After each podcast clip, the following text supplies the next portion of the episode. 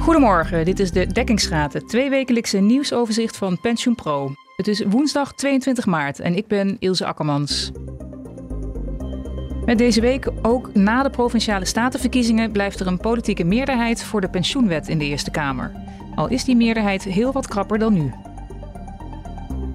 Pensioenuitvoerder APG wil zijn twee grootste klanten, de fondsen ABP en BPF Bouw, niet in hetzelfde jaar overzetten naar het nieuwe stelsel. Dat botst met een eis van de Nederlandse Bank. En als pensioenfondsen salarisgegevens niet meer zelf opvragen bij bedrijven, maar gebruik maken van gegevens van de Belastingdienst, scheelt dat tijd en geld. De praktische bezwaren worden steeds kleiner. Met mij in de studio zijn vandaag Olaf Bosman en Tjibbe Hoekstra, allebei redacteur van PensioenPro, en Maarten van Wijk, hoofdredacteur. Welkom allemaal. Dankjewel. Ja.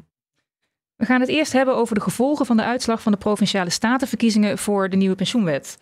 Olaf, daarvoor kijk ik naar jou. Een grote winst voor de boer-burgerbeweging van Caroline van der Plas, ten koste van onder andere Forum voor Democratie en de coalitie.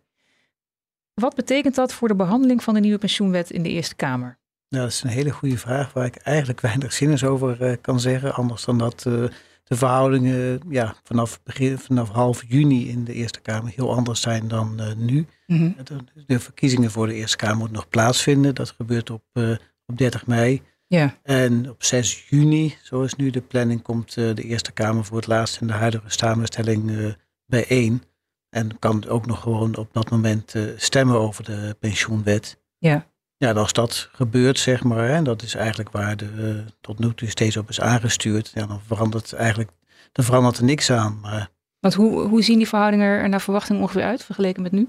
Ja, nu uh, hebben de partijen die in de Tweede Kamer voor de pensioenwet hebben gestemd, hebben 48 van de 75 uh, zetels. Dat zijn, er zitten nu zeven partijen in de Eerste Kamer die, die, die voor, in de Tweede Kamer voor hebben gestemd. Mm -hmm. Na de verkiezingen worden het naar verwachting acht. Er komt Volt uh, erbij. En die acht partijen hebben dan samen 39 van de 75 uh, zetels. Op mm. basis van de laatste prognose. Ja, en voor een meerderheid, hoeveel zijn er daarvoor nodig? 38. Dus er blijft een meerderheid, maar wat je net al zei, die is heel wat krapper dan nu. Ja. Wat is het standpunt van de boer-burgerbeweging eigenlijk over de nieuwe pensioenwet? Ja, ook dat vind ik een uh, goede vraag. Caroline van der Plas heeft uh, afgelopen najaar een paar keer meegedaan aan een uh, debat over de pensioenwet, wetgevingsoverleg. Mhm. Mm -hmm. En ja, daar tonen zij zich tegenstander van de pensioenwet. En afgelopen, op de verkiezingsavond, kreeg ze een vraag van een NOS-verslaggever van nou, wat wil de boer-burgerbeweging dan bereiken in de Eerste Kamer? En ze noemden de pensioenwet dan na de stikstofwet uh, nou, als dossier waar ze eigenlijk, uh, wat ze eigenlijk waar ze wat anders op wil dan, uh, dan het kabinet. Dus, ja. Maar ja, in het, in het programma voor, voor de provinciale statenverkiezingen is het iets, iets genu genuanceerder. Dan lijkt het wel alsof ze ervan uitgaan dat die pensioenhervormingen doorgaan. Ja. Maar ze dus, kunnen het niet tegenhouden, toch, in feite? Nee, ze, hebben, ja, of ze, ze, ze, kunnen druk uitoefenen achter de schermen om te zeggen van nou ja, jongens, het is niet verstandig om nu op dit dossier door te drukken, want jullie hebben ons straks op andere dossiers uh, nodig. Ja. Dus uh, maak maar even pas op de plaats. Of juist andersom. Hoe bedoel je dat, Tibbe? Nou, dat ze die pensioenwet weggeven en zeggen van als jullie ons uh, wat stikstof, stikstofgebied tegemoet komen, dan doen we niet moeilijk over die pensioenwet. Kan ook. Ja. Dat lijkt me eerder voor de hand liggen. Ja, maar ze hebben niks weg te geven, want er is gewoon een meerderheid voor in de Eerste Kamer.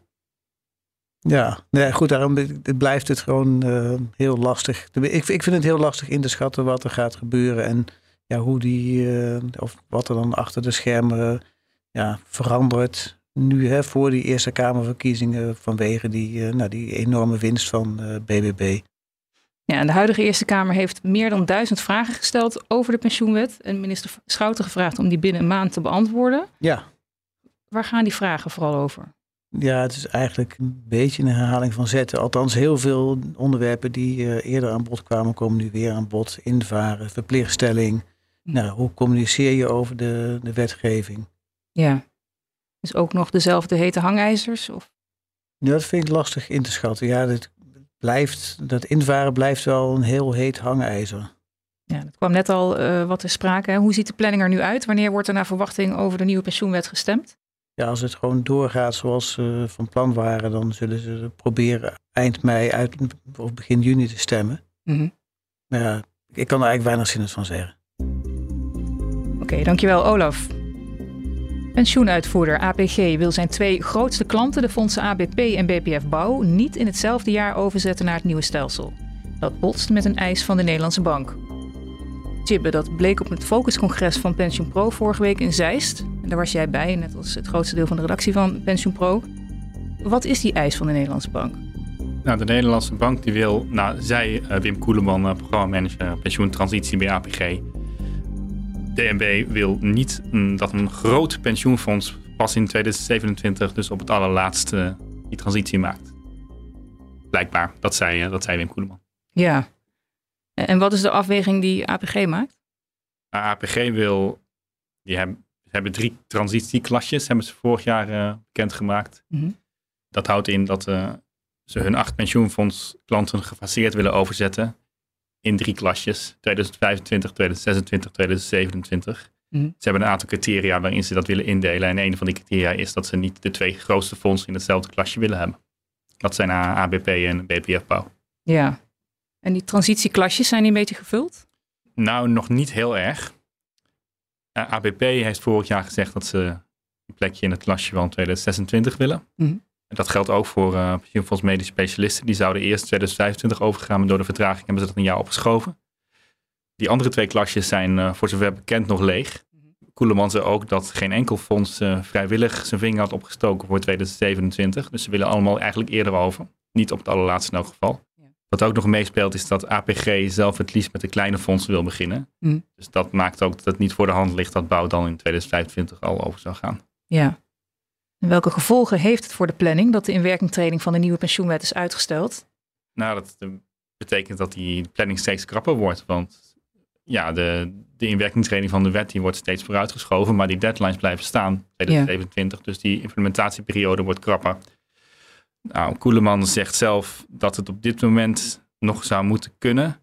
Dat de deadline haalbaar is op dit moment. Maar daar spreekt er ook wel een beetje twijfel uit. Want ik denk toch dat ze het liefst uitstel zien. Ja. Maar dat hebben ze niet zo gezegd hoor. Maar daar zou het wel eens op uit kunnen draaien. Dankjewel, Tjibbe. Als pensioenfondsen salarisgegevens niet meer zelf opvragen bij bedrijven, maar gebruik maken van gegevens van de Belastingdienst, scheelt dat geld en tijd. Praktische bezwaren stonden er tot nu toe in de weg, maar die worden steeds kleiner. Maarten, daarover heb jij geschreven. Hoe moet dat gaan werken? Ja, dat, nou, het, gaat, het probleem is eigenlijk op dit moment dat uh, pensioenfondsen en de Belastingdienst uh, elke maand eigenlijk een beetje dezelfde gegevens aan het uitstaan, uitvragen bij alle Nederlandse bedrijven. En dus dat gaat om eigenlijk de uitbetaalde salarissen. Nou, de Belastingdienst wil het weten, want die gaat er dan loonbelasting uh, gaan ze erover heffen. En een pensioenfonds wil het weten, want dan gaan ze pensioenpremie heffen. En dan weten ze ook hoeveel pensioen die werknemer moet opbouwen. Nou, het zou natuurlijk handig zijn als je dat in één keer kon doen. In ieder geval met name voor die werkgever zou het handig zijn. Um, en op zich kan dat. er bestaat zoiets in Nederland als de loonaangifteketen. Ze noemen dat zelf de gegevens aorta van Nederland. bestaat sinds 2006. En wat er gebeurt is dat de Belastingdienst die loonaangiftegegevens doorstuurt naar het UWV. Uh, en het UWV die stuurt ze weer naar een heleboel andere partijen door. En dat zijn er echt een hoop, 1500 in totaal. Het gaat bijvoorbeeld naar de Sociale Verzekeringsbank. Die weet dan uh, de gegevens voor de AOW. De gemeentes die horen, die krijgen dat te horen. Dan kunnen ze misschien bijstandsuitkeringen uh, op baseren. Of uh, het CAK, het CBS voor de statistieken. maar ook hypotheekverstrekkers of zo. Die kunnen dan op die manier dan dat opvragen. Als jij een hypotheekaanvraag doet, trouwens voor de rechtsbijstand. Te kijken of iemand recht heeft op gesubsidieerde advocaat. Mm -hmm. Dus nou, het gaat heel Nederland door. Alleen die pensioenfondsen, nou, de pensioenfondsen die doen het gewoon zelf. Eigenlijk, dat is het, uh, het punt. Ja. En wat zou het ze precies gaan opleveren?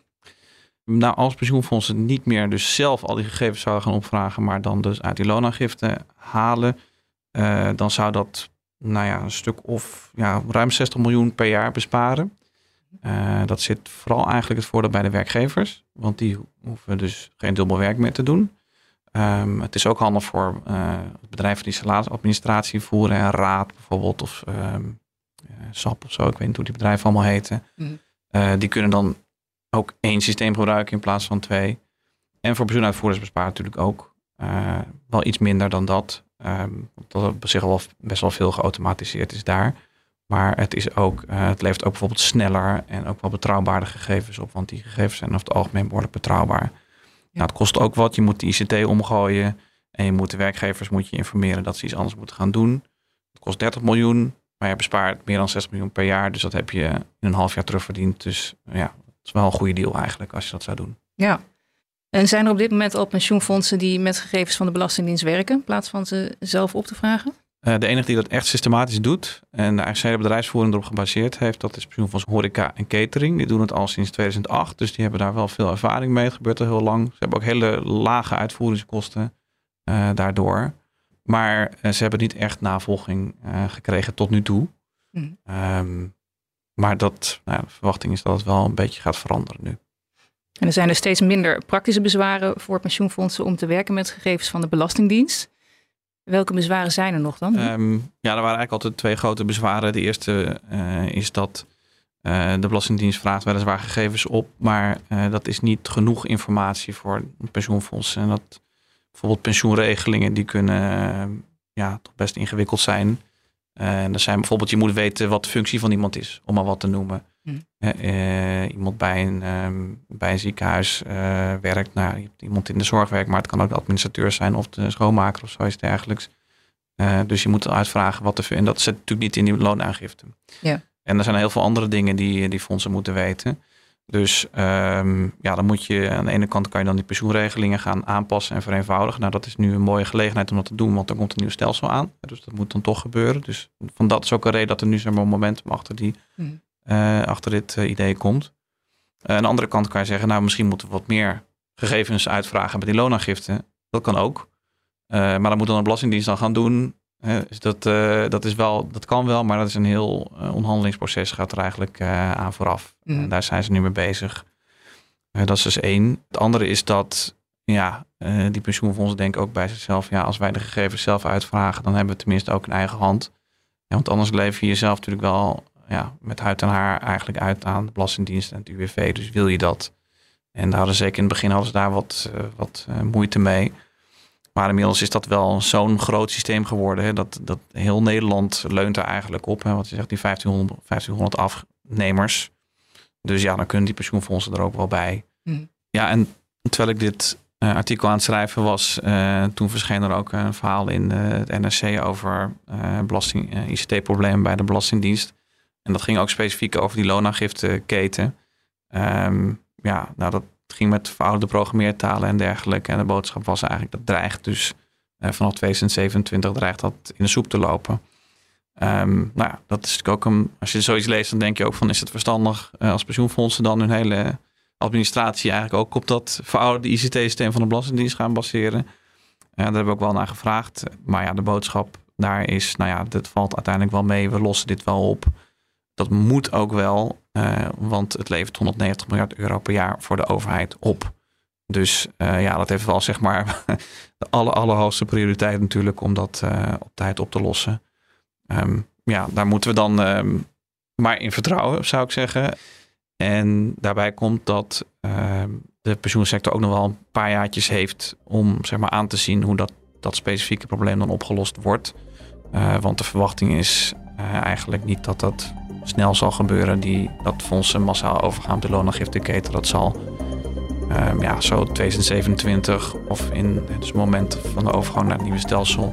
Of misschien één of twee jaar daarna uh, zal waarschijnlijk het moment zijn voor die overgang. Dankjewel, Maarten van Wijk. En dank jullie wel ook Olaf Bosman en Chibbe Hoekstra. Dit was de dekkingsraad van PensioenPro met de laatste ontwikkelingen in de Nederlandse pensioen- en beleggingssector. Op pensioenpro.nl lees je meer. Heb je ideeën of suggesties voor ons? Laat het ons dan weten op redactie.pensioenpro.nl. Mijn naam is Ilse Akkermans. Fijn dat je luisterde en tot over twee weken.